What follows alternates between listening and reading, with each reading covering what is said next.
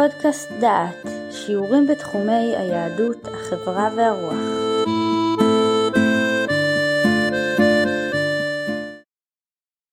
ברוכים הבאים לפודקאסט דעת לקורס אנטישמיות. אנחנו נקרא עכשיו מתוך שירי רבי יהודה הלוי, כאשר השירים מעלים את המתח הדתי שיש בינו לבין העולם הפילוסופי, וכן את הכאב הנובע ממלחמות הדת שהוא צופה בהם ורואה אותם מסביבו. מדבר עליכם יהודה אייזנברג, ואני מקווה שהדברים יתקבלו אל לבכם. רבי יהודה הלוי נולד בסוף המאה ה-11 בטולדו שבצפון ספרד, סמוך לחלקה הנוצרי של ספרד. זמן קצר לפני לידתו נכבשה ספרד על ידי מלכות קסטיליה הנוצרית, ועברה בהדרגה משלטון מוסלמי ותרבות ערבית לשיטה ולתרבות הנוצריים. השירים שנשמע, נראה בהם מצד אחד את המתח שבין היהדות לבין הפילוסופיה היוונית, והוא מדבר לאדם שנוטה לקבל את התפיסות הפילוסופיות ומטיח בו שהוא הולך לראות דבר שיש לו פרחים ולא פרי. זו התרבות היוונית. במקביל נקרא גם שני שירים שבהם הוא מעלה את המתח הדתי ואת הלחץ הנוצרי אל היהדות. אם כן, יש לנו כאן שני נושאי משנה, האחד המאבק של רבי יהודה הלוי בפילוסופיה, והשני תיאור הקשיים שיש לקהילה היהודית. התקופה של רבי יהודה הלוי הייתה תקופה של מלחמות דת. הנצרות הקימה מסדרים שקראו לחזור אל עקרונות היסוד של ישו, והמונים התארגנו למסעי הצלב. המוסלמים פלשו מצפון אפריקה לספרד, וקראו לחזור לשורשי האסלאם. מסעי הצלב מצד אחד, וכיבושה של ספרד בידי המוסלמים מצד שני, הכניסו את העולם למלחמות דת. וכרגיל, היהודי נרדף על ידי שני המחנות גם יחד. על רקע מצב פוליטי זה כותב רבי יהודה הלוי שירים המתארים את המצוקה של היהודי בספרד. תחילה אקרא את הוויכוח הפילוסופי ולאחר מכן נקרא את השירים של המצוקה.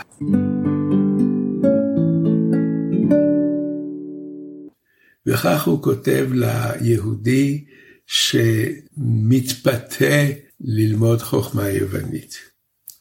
הוא כותב כך: ואל תשיעך חוכמה יוונית, אשר אין לה פרי כי אם פרחים. לחוכמה היוונית אין פרי, אין, אין תוצאות, יש רק מראה יפה. ופריה, ומה בכל זאת הפרי שהיא נותנת? כי אדמה לא רקועה. וכי לא אוהלי שחק בטוחים, ואין ראשית לכל מעשה בראשית, ואין אחרית לחידוש הירחים. מה מתארת החוכמה היוונית?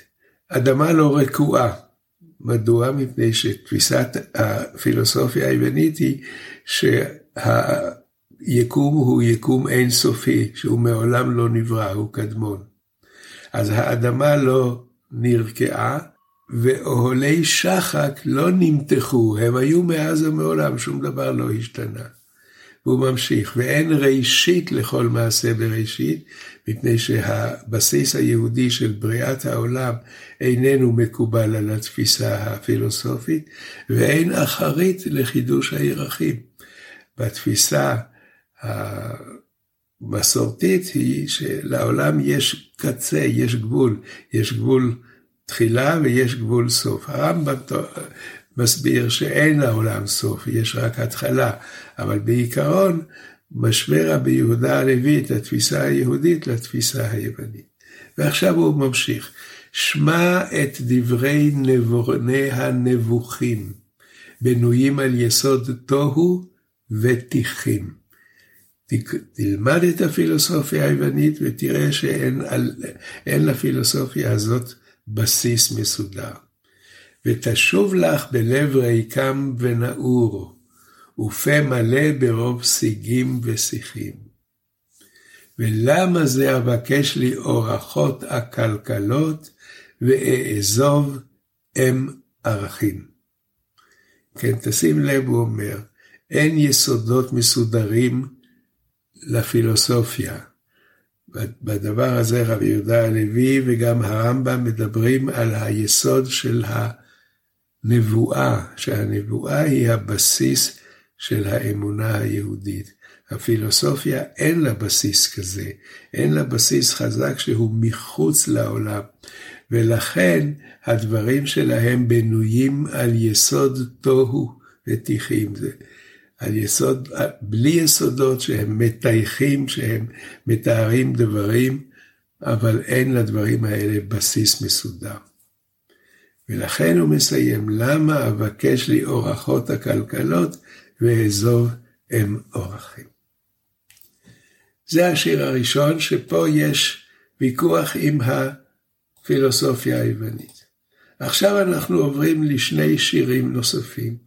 שהם מתארים את המצוקה של היהודי במסגרת שהוא חי בה. ואני אקרא, אקרא את השיר, זה שיר קצר, יש לו מנגינה מקסימה, ואפרש את, את השיר. שם השיר הוא ידידי השכחת. השיר הזה זכה לעיבוד מוזיקלי מפי אתי אנקרי, ואם אתם רוצים, תיכנסו לאתר פיוט ותשמעו את השיר בקולה של אתי אנקרי. אני קורא את השיר. ידידי, השכחת חנותך בבין שדי, ולמה מכרתני צמיתות למעבידי? הפנייה היא לידיד, אבל מי הוא הידיד? הידיד, הדוד. הפסוק מזכיר לנו את שיר השירים, צרור המור דודי לי, בן שדי ילין. מי הוא הדוד? ומי המדבר? המדברת. הדוד הוא הקדוש ברוך הוא, והמדברת היא הראיה, כנסת ישראל. חז"ל דורשים את הביטוי בן שדי כמסמל את שני הקרובים, או את שני בתי הארון שהם נראים כשדיים כשהם בולטים מהפרוכת. וכנסת ישראל פונה אל הקדוש ברוך הוא, ואומרת לו, אתה שכחת את חנותך שאתה היית בן שדי, שהיה קשר של אהבה ודבקות בין הקדוש ברוך הוא לבין ישראל. אתה שכחת את חנותך לבן שדי, ולמה מכרתני צמיתות למעבידי? במקום הקשר שהיה לנו, אתה מוכר אותי מכירת עולם למעבידי. מי הם מעבידי? זה האומות. שמשעבדות את עם ישראל. ועכשיו הוא עובר לפסוק מירמיהו. הלא אז בארץ לא זרועה רדפתיך, ושעיר והר פרן, וסיני וסין עדי. בארץ לא זרועה רדפתיך.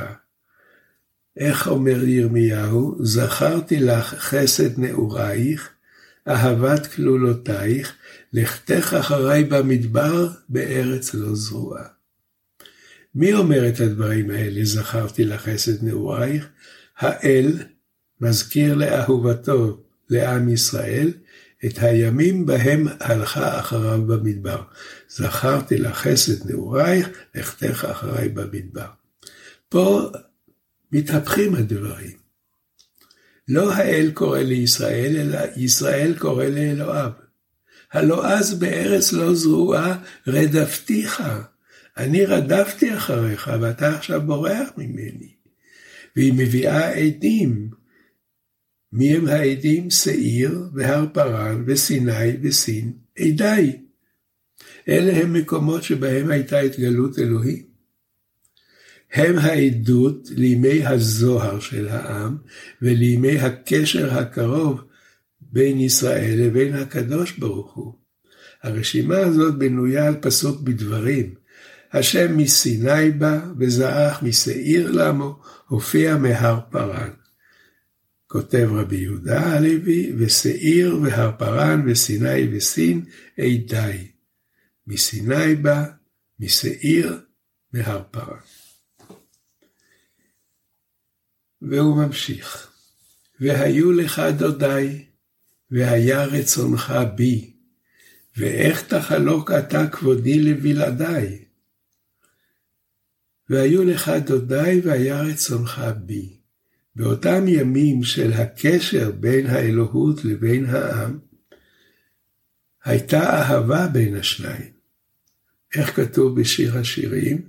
לך דודי, נצא השדה נלינה בכפרים, נשכים על הכרמים, נראה אם פרחה הגפן, פיתח הסמדר, עיני צוהר רימונים, שם אתן את דודי לך. וכאן הוא אומר, והיו לך דודי, והיה רצונך בי. אלה היו הימים הקודמים, הקשר שבין האלוהות לבין העם. ומה קורה עכשיו? אתה מחלק את כבודי לבלעדיי. מי זה בלעדיי? מישהו אחר, לא אני. את כבודי אתה מעביר לעם אחר. ועכשיו מגיע התיאור של הקשר שבין ישראל לבין האומות הרודות בו. דחויה אלי שעיר, הדופה עדי קידר, בחונה בחור יוון, מעונה בעול מדי. דחויה אלי שעיר. השעיר הוא העם הנוצרי במושגים של רבי יהודה הלפי. דחויה לגלות בין הנוצרים. הדופה עדי קידר, הדופה מושלכת לגלות בין המוסלמים. קידר זה המוסלמים. אם כן, עכשיו אומר רבי יהודה הלוי, עכשיו אומרת כנסת ישראל, אני דחויה לנוצרים, הדופה מושלכת למוסלמים. בכונה בחור יוון, עומדת למבחן במאבק עם הפילוסופיה היוונית שכבשה אז את העולם. בכונה בחור יוון, מעונה בעול מדי, הסבל שנגרם בידי פרס ומדי. אם כן נותן פה רבי יהודה הלוי את ארבע המלכויות השולטות בישראל עד הגאולה, וזה התיאור שנמצא בדניאל ארבע המלכויות. אומר רבי יהודה הלוי, דחויה אלי שעיר, הדופה עדי קידר, בכונה בחור יוון, מעונה בעול מדי. שעיר, קידר, יוון, מדי. ארבע המלכויות. והוא ממשיך, וזה השורות האחרונות. היש בלתך גואל ובלתי אסיר תקווה, תנה עוזך לי כי לך אתנה דודי. השאלה כאן היא שאלה רטורית. היש בלתך גואל ובלתי אסיר תקווה? האם ייתכן שיש גואל אחר מבלעדיך? האם יש מישהו אחר בלתי שהוא מחכה לך? שאלה כפולה, האם יש לי גואל אחר, והאם יש מישהו אחר שהוא רוצה שאתה תגאל אותו? ובלתי אסיר תקווה. האם יש מישהו אחר בלעדיי? אני אסיר תקווה, אני מקווה אליך. יש מישהו אחר בלעדיי שמקווה אליך? והסיום, תנה עוזך לי, כי לך אתנה דודי. בבית הקודם הוא הזכיר ימי קדם, והיו לך בעבר דודי והיה רצונך בי. ועכשיו הוא מבקש ישירות, תנה עוזך לי, כי לך אתנה דודי. אתה תיתן לי את כוחך, אתה תיתן לי את ההגנה, ואני אתן לך את דודי, את קשרי אהבתי, את אמונתי. ואני קורא עכשיו את השיר כולו. ידידי, השכחת חנותך בבין שדי? ולמה מכרתני צמיתות למעבידי? הלא אז בארץ לא זרועה רדפתיך, ושעיר והר פרן וסיני וסין עדי. והיו לך דודי, והיה רצונך בי, ואיך תחלוק אתה כבודי לבלעדי. דחויה אלי שעיר, הדופה עדי קידר, בחונה בחור יוון, מעונה בעול מדי. היש בלתך גואל? ובלתי אסיר תקווה? תנה עוזך לי, כי לך אתנה דודי.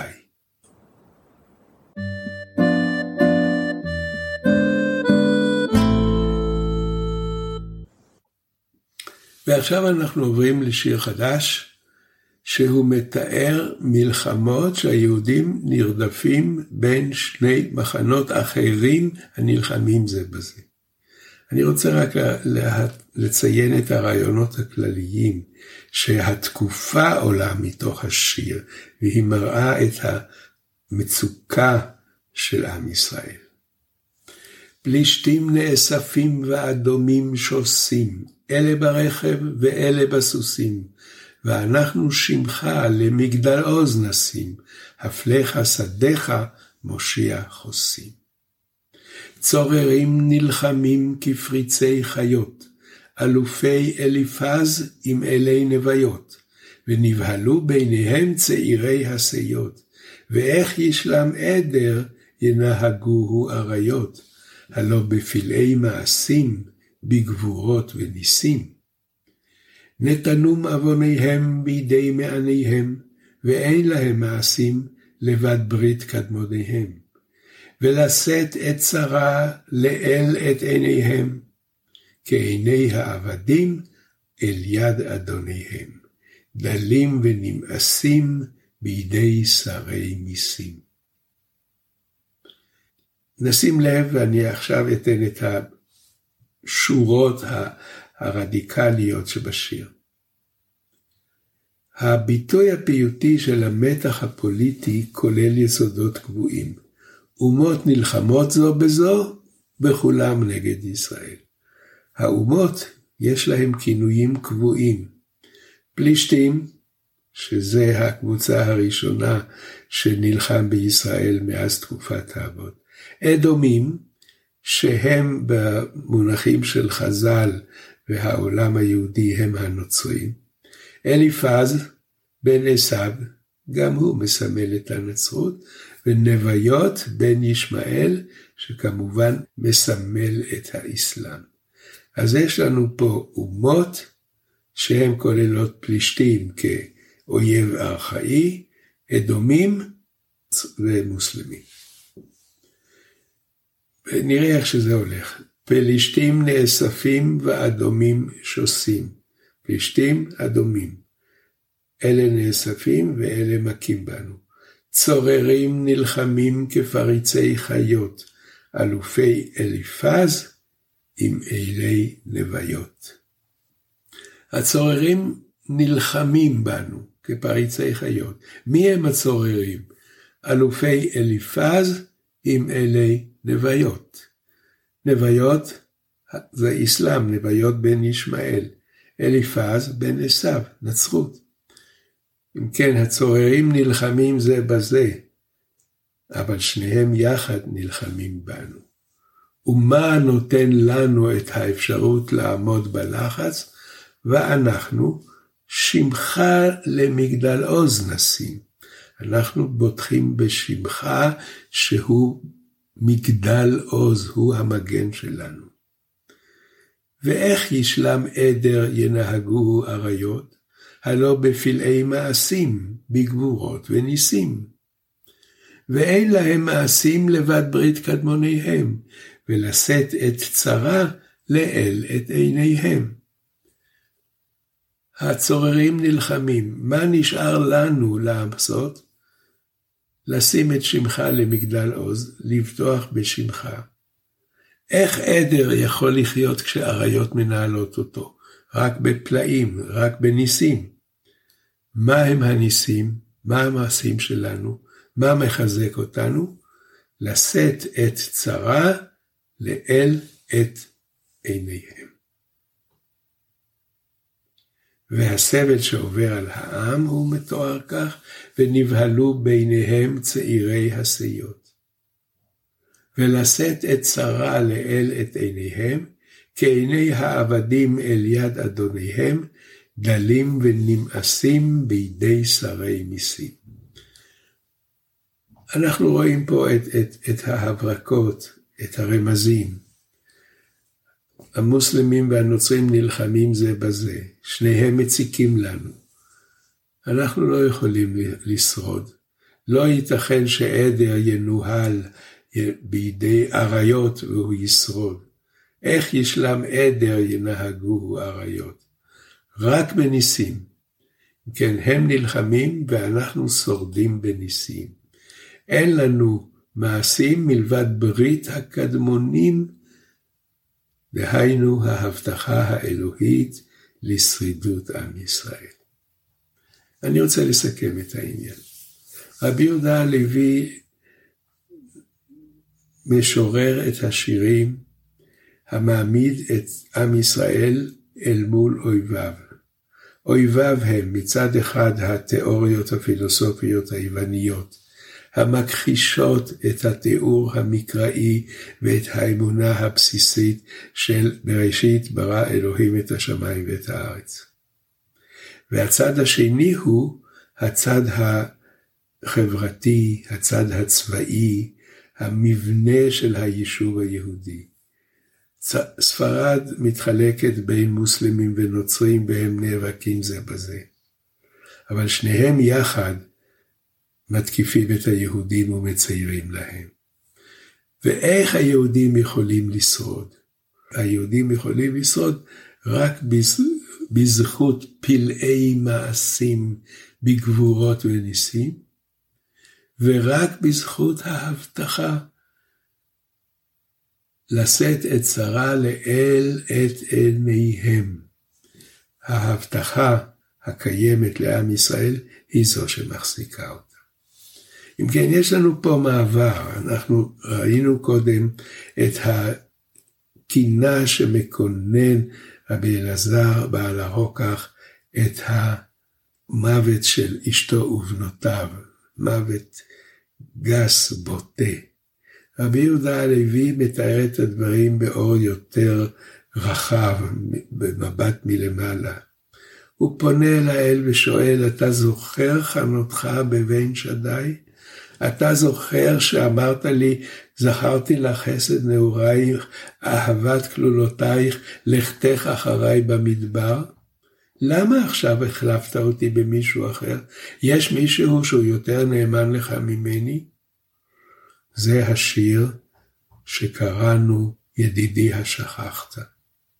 והשיר השני שקראנו, פלישתים נאספים, מתאר את המלחמות ואת האהבה, אלה נלחמים באלה, וכולם יחד נגדנו, ואנחנו יכולים לשרוד רק באמונה ורק בניסים.